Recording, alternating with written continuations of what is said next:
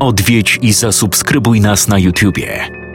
Bądź na bieżąco z nowymi filmami i słuchaj jeszcze więcej mrocznych historii. Mystery TV Więcej niż strach.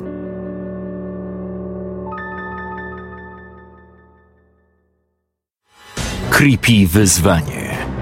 Dziewiąta edycja.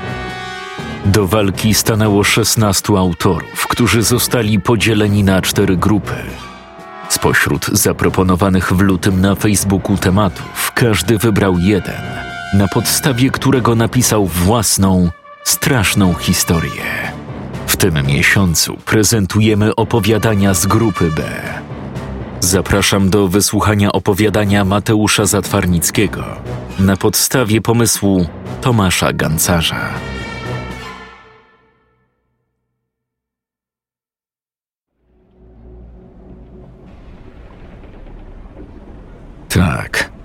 Zgadza się. Nazywam się Deaton Smith i jestem piratem. Całe życie oddałem morzu.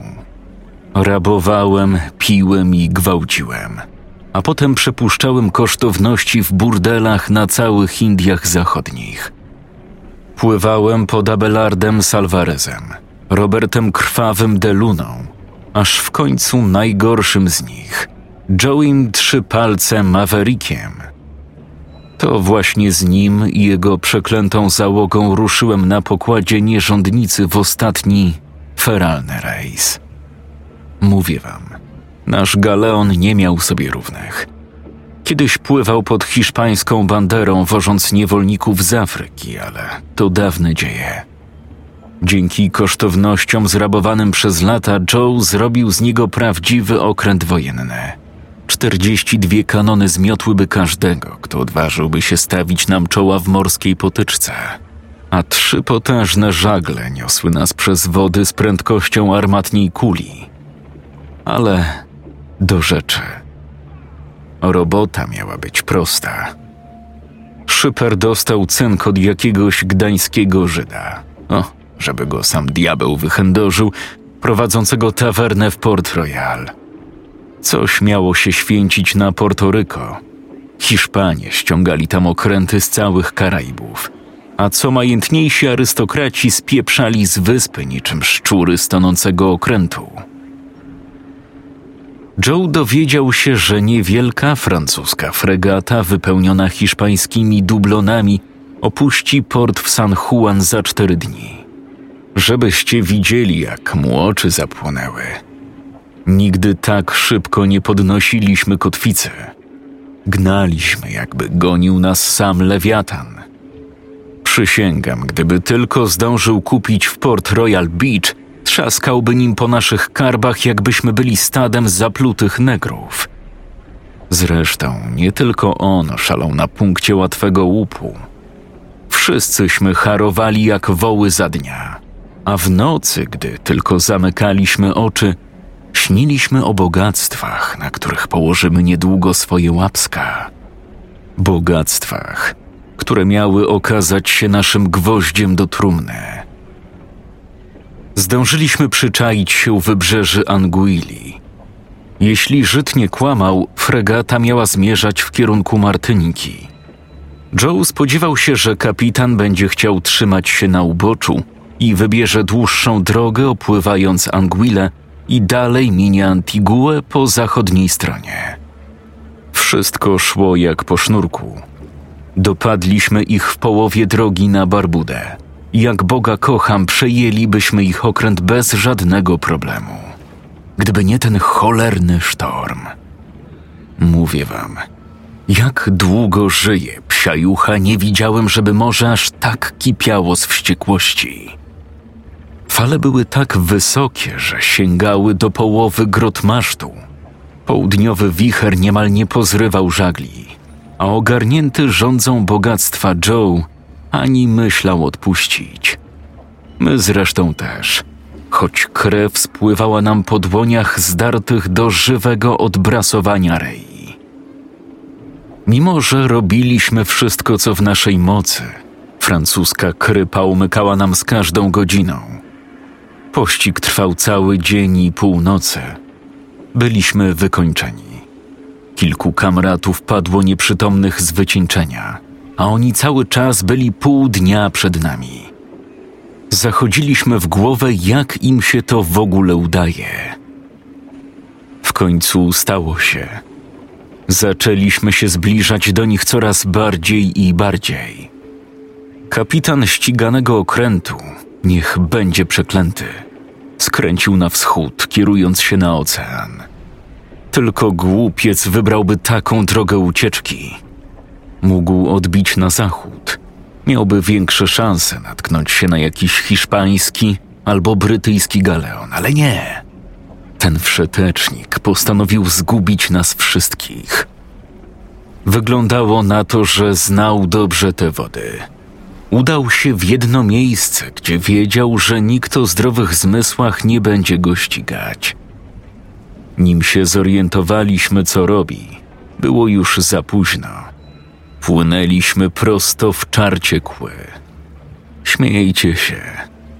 Ja też myślałem, że opowieści o czarcich kłach to wymysły naprutych rumem łajdaków, którzy szukali pretekstu, by usprawiedliwić puszczanie na dno całego okrętu. Jakże ja byłem głupi. Nawet trzy palce nie był na tyle szalony, żeby rzucić się za nimi w owianą, gęstą mgłą wulkaniczną wyspę. Wiedział dobrze, że wody tam są niebezpieczne, pełne wystających, ostrych jak brzytwa skał, które tną po szycie statku jak nóż kostkę koziego masła. Zarzuciliśmy kotwicę i czekaliśmy na decyzję kapitana. Chodził w tym swoim czarnym, po wycieranym płaszczu wzdłuż sterburty z okiem przyklejonym do perspektywy, a siąpiący deszcz co chwila wylewał się stróżką z jego okrągłego kapelusza. W końcu rozkazał opuścić dwie szalupy. Dwunastu ludzi, podzielonych na dwie grupy, w tym ja, mieliśmy wpłynąć we mgłę i dokonać abordażu na francuskiej krypie.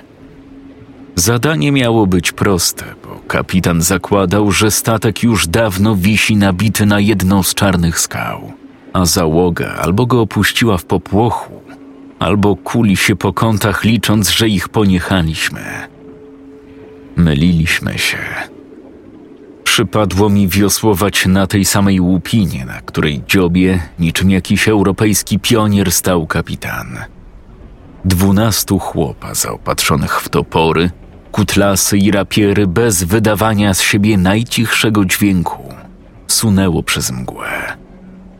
Wszyscy mieliśmy po lewaku zatkniętym zapas. Byliśmy gotowi posyłać kulkę w pierwszego człowieka, którego tylko zobaczymy. Wody były tu spokojne, zupełnie jakbyśmy wpłynęli w oko cyklonu. Dno szalupy co chwila ocierało się o grzbiet podwodnej skały, a towarzyszący temu zgrzyt sprawiał, że ciarki chodziły nam po plecach.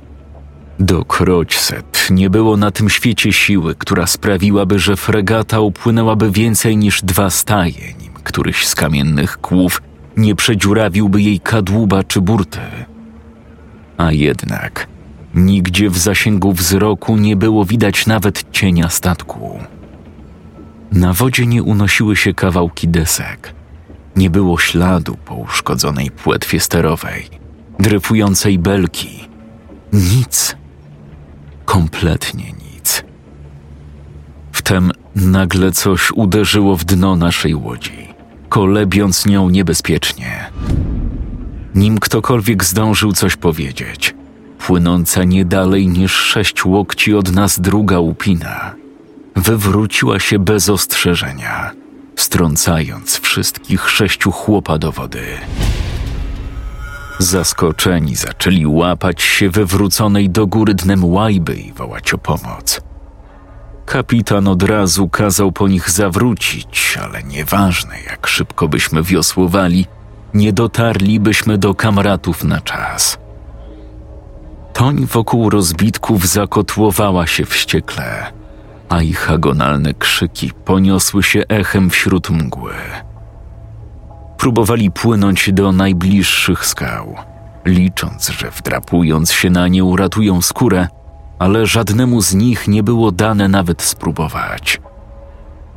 Gdy dotarliśmy na tyle blisko, by zorientować się, co się stało, po naszych ludziach nie było już śladu.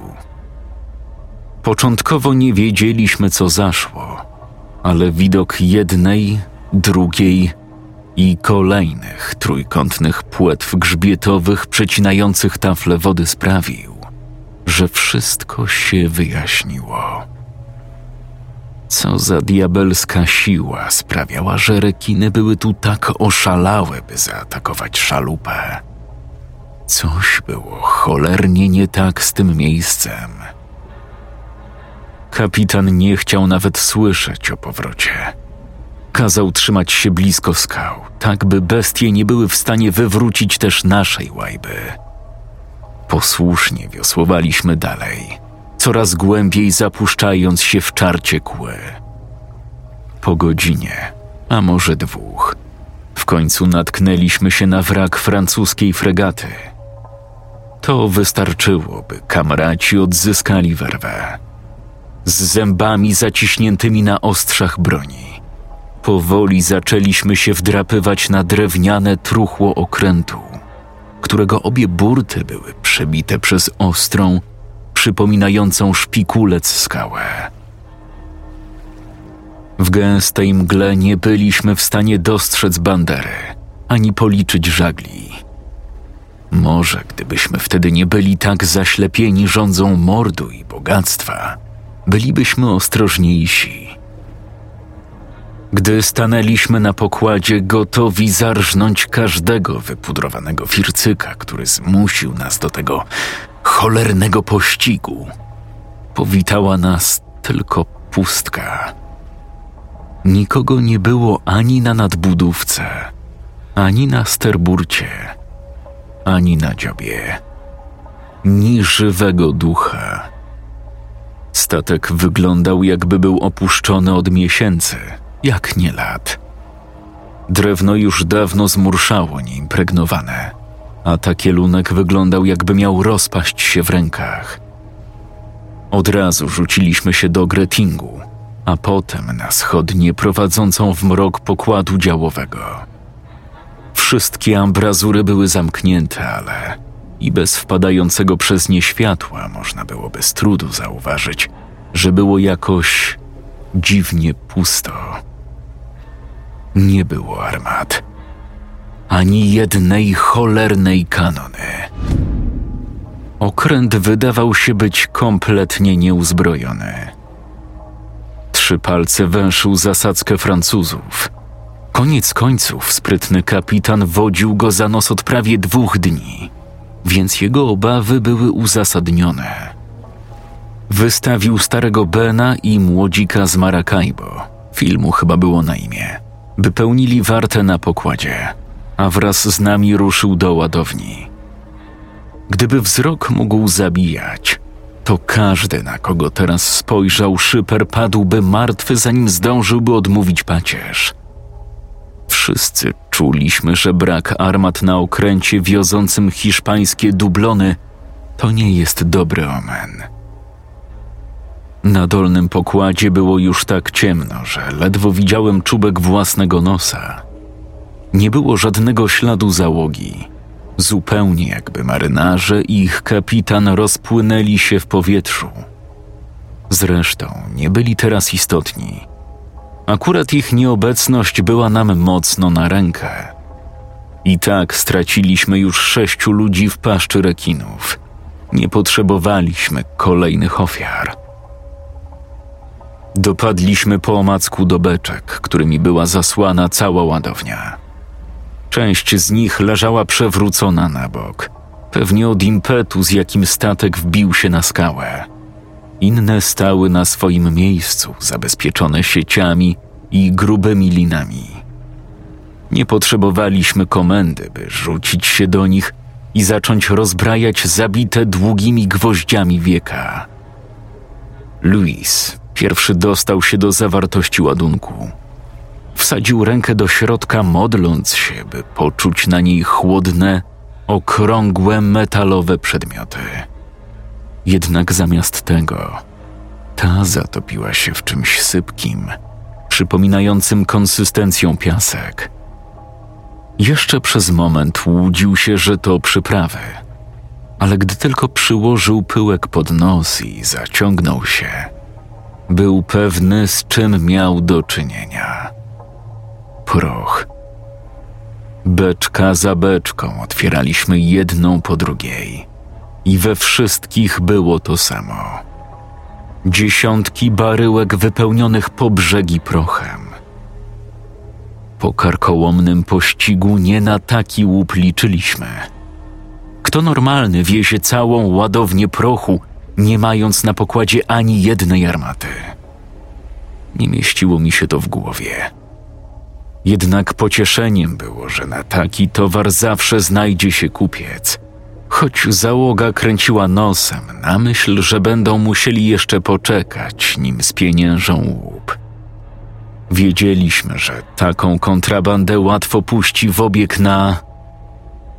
I wtedy mnie olśniło. Ale czy to mogła być prawda? Pamiętam, jak kilka lat temu, będąc wówczas na tortudze, przepuszczałem ostatnie monety w tawernie pod zdechłym krabem. Wtedy zasłyszałem rozmowę dwóch jegomości.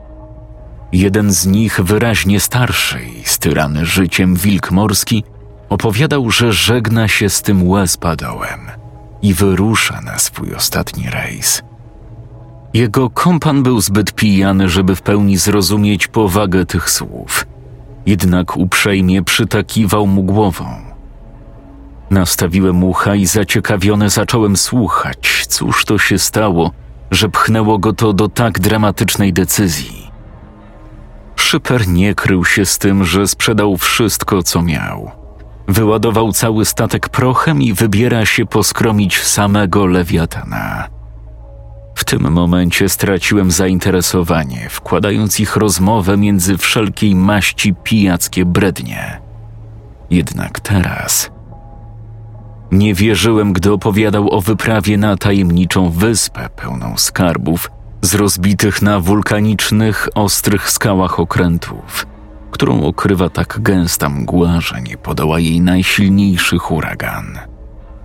Wody tam były spokojne, pełne wygłodniałych rekinów, a w samym jej sercu, na każdego, kto był dość głupi, by się tam zapuścić, czekała zguba z rąk morskiego czarta. Czy to mógł być ten okręt? Czy stary wilk morski przypłynął właśnie na czarcie kły szukać mitycznego stwora? Gdzie w takim razie była fregata, której szukaliśmy? Nagle krypa zatrzęsła się, jakby otarła się o mieliznę. Spojrzeliśmy po sobie zaskoczeni, wiedząc, że to przecież nie było możliwe. Statek był przecież uwięziony. Na górnym pokładzie usłyszeliśmy jakieś dźwięki. Tupot stóp, a chwilę potem zachrypnięty krzyk starego Bena. Dzierżąc w dłoniach broń, gotowi rozpłatać każdego Hiszpana, Francuza czy Brytola, który miał odwagę teraz z nami zadzierać, wpadliśmy na pokład – Ku naszemu zdziwieniu nie zobaczyliśmy ani oprawców, ani starego Bena, ani Fila. Zniknęli, zupełnie jak załoga fregaty. Louis zaklął siermiężnie, gdy jego bosa stopa wdepnęła w coś gęstego i lepkiego. Odruchowo splunął przez lewe ramię i przeżegnał się. Nie mieliśmy pojęcia, czym była owa substancja ale przypominała jakiś rodzaj śluzu, którego szeroki na co najmniej łokieć ślad ciągnął się od połowy szerokości kadłuba aż do relingu. Hopper, który stał najbliżej, podszedł i bezwiednie wychylił się za balustradę. Nie zdążył nawet krzyknąć. Wyglądało to tak, jakby sam diabeł wciągnął go do piekła bo poleciał w dół tak szybko, jak armatnia kula idzie na dno. Nie byliśmy w stanie nawet zareagować. Staliśmy tam osłupiali z opuszczoną bronią, kiedy statek znowu się zatrząsł. Obleciał nas strach. Widzieliśmy, że coś złego czai się w tej mgle, a opowieści o tym miejscu mają w sobie coś więcej niż ziarno prawdy. Chcieliśmy uciekać, zabierać nogi za pas i spieprzać jak najdalej od tej przeklętej fregaty. Ale było już za późno. Były wszędzie. Wiły się wokół grot masztu prześlizgiwały się pomiędzy belkami balustrad, pełzały ku nam po stopniach z mostka, a każda z nich oślizgła, ciemnobrązowa, pełna różowych, ohydnych ssawek. Tylko kapitan zachował zimną krew. Kazał nam łupać i ciąć to cholerstwo bez litości. Nie musiał dwa razy powtarzać – każdy z nas rzucił się do najbliższej macki, ciął ile miał jeszcze siły w rękach. Początkowo paskudne odnóża zaczęły się cofać. Ktoś naiwny mógłby nawet pomyśleć, że przepędziliśmy je, czymkolwiek były. Jednak radość nie trwała długo, bo w powietrzu poniósł się mrożący krew w żyłach dźwięk. Jeśli miałbym zgadywać, jak zabrzmią trąby anielskie w dzień sądu, to rzekłbym, że właśnie tak. Ogromna macka, przy której to, z czym walczyliśmy przed chwilą, wyglądało jak śledź przy żarłaczu, spadła na statek od góry, roztrzaskując pokład i łamiąc grot maszt jak zapałkę. Ledwo udało nam się uskoczyć na boki – Ostre drewniane odłamki wystrzeliły na wszystkie strony, a wraz z nimi resztki takielunku, który walał się po pokładzie. Joe zaklął siarczyście i pierwszy ruszył na. na to coś. Siekał i ciął ile sił w rękach, a wierzcie mi, do najsłabszych nie należał. Pozostała piątka, w tym ja nie była tak skora, by podjąć wyzwanie. Louis stchórzył i z panicznym krzykiem wyskoczył za burtę, nie bacząc na podwodne skały i czyhające w głębinie rekiny. Gdybym wtedy nie odprowadzał go wzrokiem, nie zauważyłbym nawet, że nigdy nie musnął tafli wody, bo kolejna wielka macka zawinęła się na nim z mocą monstrualnej anakondy i ścisnęła tak silnie, że kości zagruchotały, a oczy niemal wyszły mu z orbit. Nie wiem, czy był jeszcze żywy, gdy powiodła go w mgłę, ale nie wydał nawet z siebie najcichszego jęknięcia. Rąbać, psie syny! Rąbać ile sił, jeśli wam życie miłe!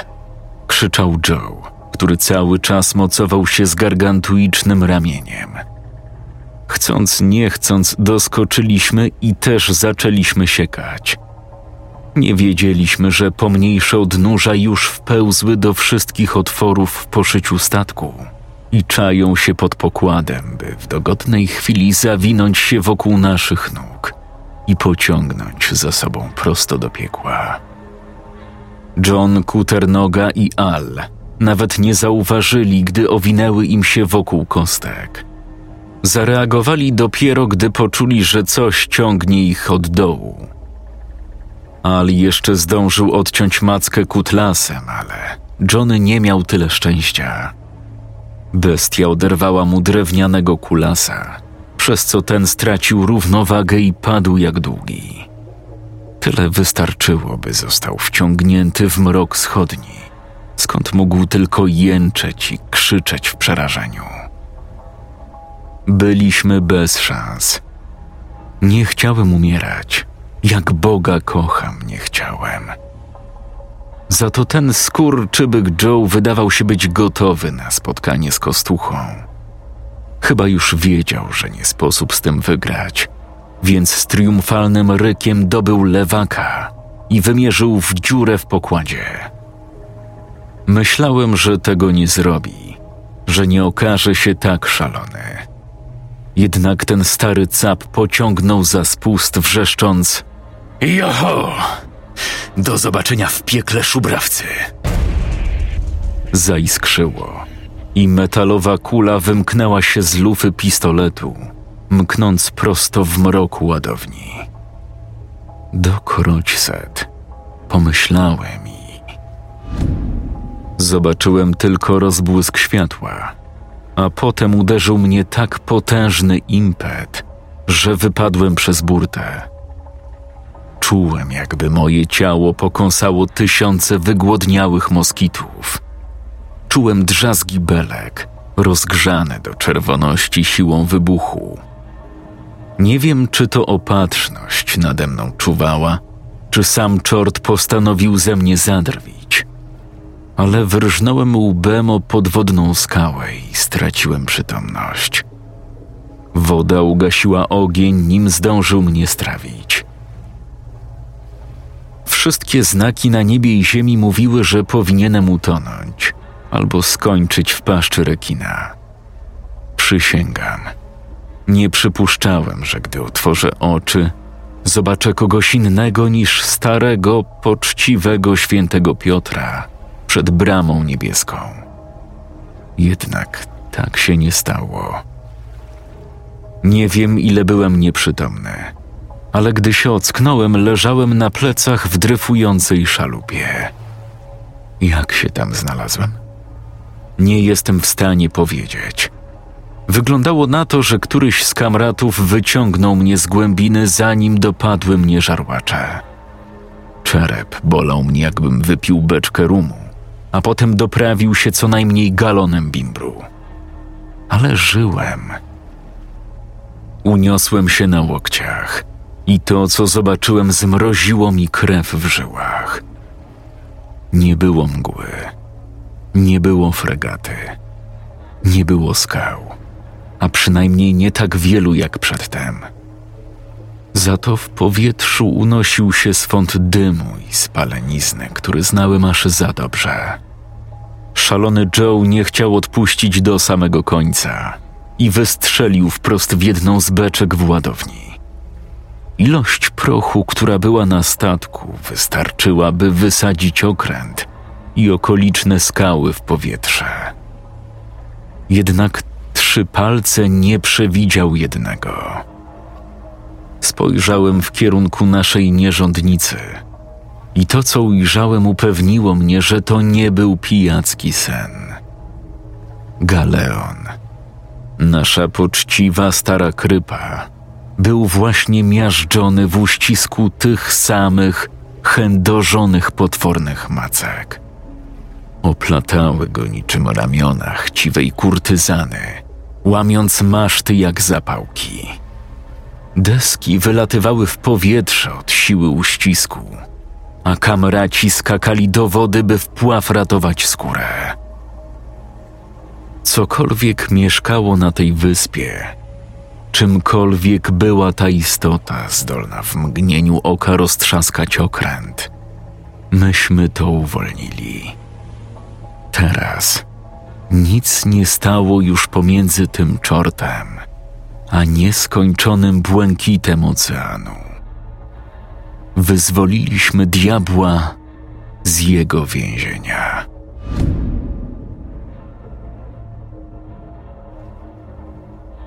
Scenariusz Mateusz Zatwarnicki. Czytał Jakub Rutka.